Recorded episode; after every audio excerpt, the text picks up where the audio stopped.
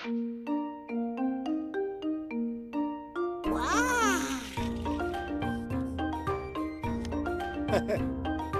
balio dute. Prest ipuin txikiak eta soinu handiak. Itxaron aita, unetxo bat. Ra,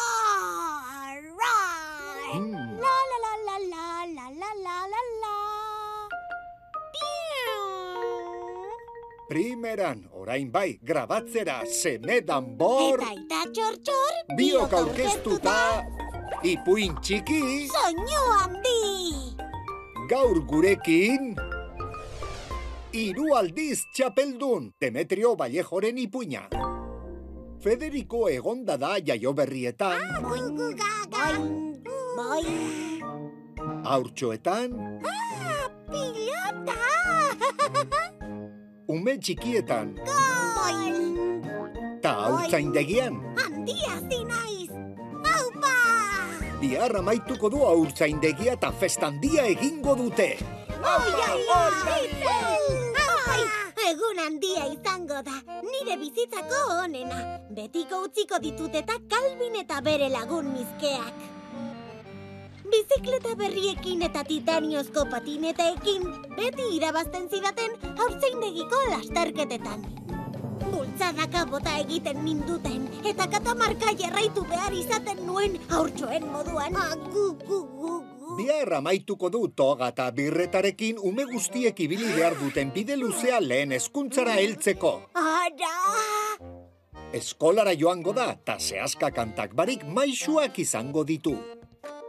Kaixo, Federico. Ongi etorri, Federico. Berrogeita marreraino kontatzen ikasiko dut. Hor zehar dauden nain beste zenbakiren artean galduta geratzeko beldurrik gabe. Baina gehien posten duena zeremoniara bere familiakoak joango direla da. Oi, arro arro nago, Nire aurtxo handia zida. nire biloba kutuna. Honena zara. Bai! Bombo teatrora, edo bombo, edo dena delakora nire familia osoa etorriko da amarekin batera. Eta neu izango naiz txapeldunik txapeldunena. Bai, hiru aldiz txapelduna. Hiru aldiz. Hain zuzen ere, Kalbinek eta bere lagun mizkeek aita bakarra dutelako.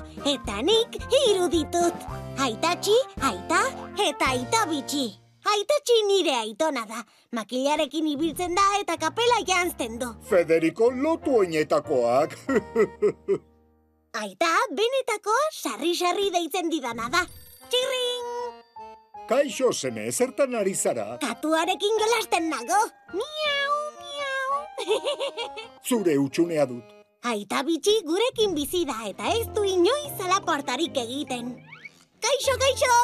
Nyan, nyan, nyan, nyan. Boing, boing. Bai, Urbilako, bai elkarren ondoan.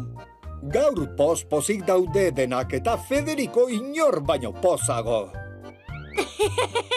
Maitasunean, xeran eta zorionean ez didalako inork irabazten.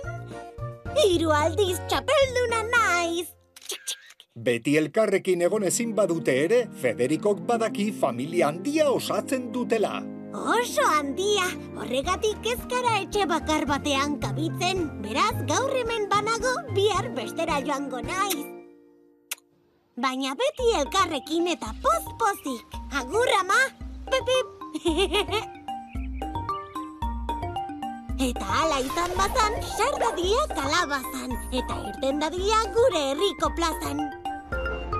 da da da da da.